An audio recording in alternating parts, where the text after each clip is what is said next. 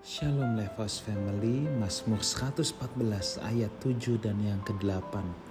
Gemetarlah hai bumi di hadapan Tuhan, di hadapan Allah Yakub yang mengubah gunung batu menjadi kolam air dan batu yang keras menjadi mata air.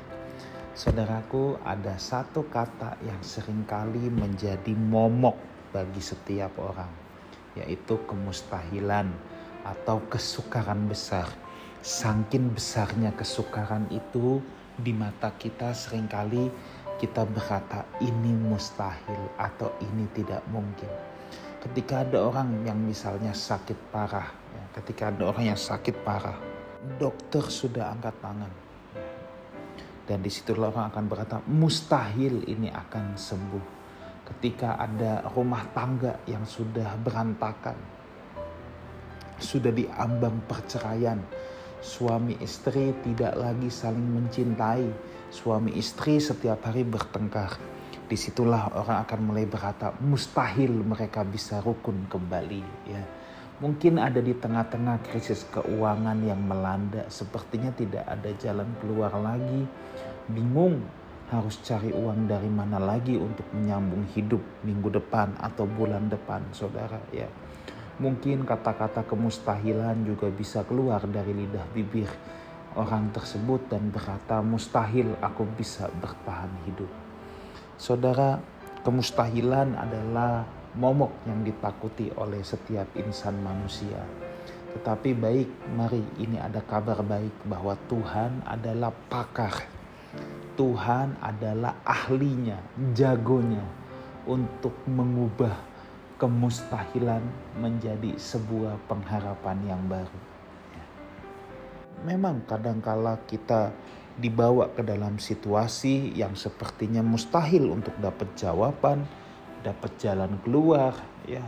Tetapi saya ingin katakan bahwa apa yang pemazmur katakan bahwa Tuhan yang mengubah gunung batu jadi kolam air, batu yang keras jadi mata air. Bagi Tuhan segala sesuatu tidak ada yang sukar saudara, tidak ada yang sulit. Ya. Nah, jadi apa yang harus kita lakukan ketika kita menghadapi peristiwa-peristiwa yang kita anggap sulit atau kita anggap sangat sukar atau mustahil dalam hidup ini? Yang pertama, tetap mempercayai Tuhan bahwa segala sesuatu ada di dalam kontrol Tuhan. Kalau kita sedang terkena sakit penyakit parah yang sepertinya memang sudah tidak bisa disembuhkan lagi. Saudaraku, ingat, yang mematikan kita itu bukan penyakitnya, tetapi hanya izin Tuhan, hanya kehendak Tuhan. Kalau Tuhan mau sembuhkan, Tuhan tinggal membalikan telapak tangan. Kalaupun akhirnya kita meninggal atas atau karena penyakit tersebut, itu pun kita harus percaya bahwa kita ada di dalam kontrol Tuhan yang tidak boleh hilang dalam menghadapi situasi-situasi kemustahilan adalah sukacita dan ucapan syukur.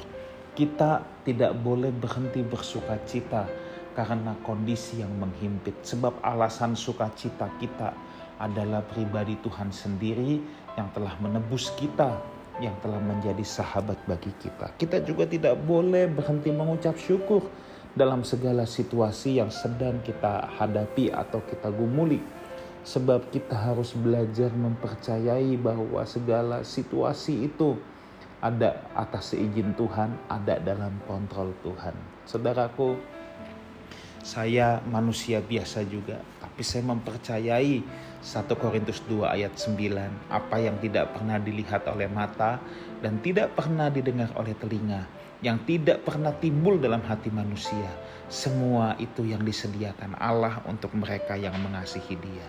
Jadi, sekalipun Anda belum pernah lihat, saudara belum pernah dengar, dan tidak pernah timbul dalam hati kita, tapi kalau kita mengasihi Tuhan, Tuhan telah menyediakan rancangan yang indah, penuh damai sejahtera, bukan rancangan kecelakaan.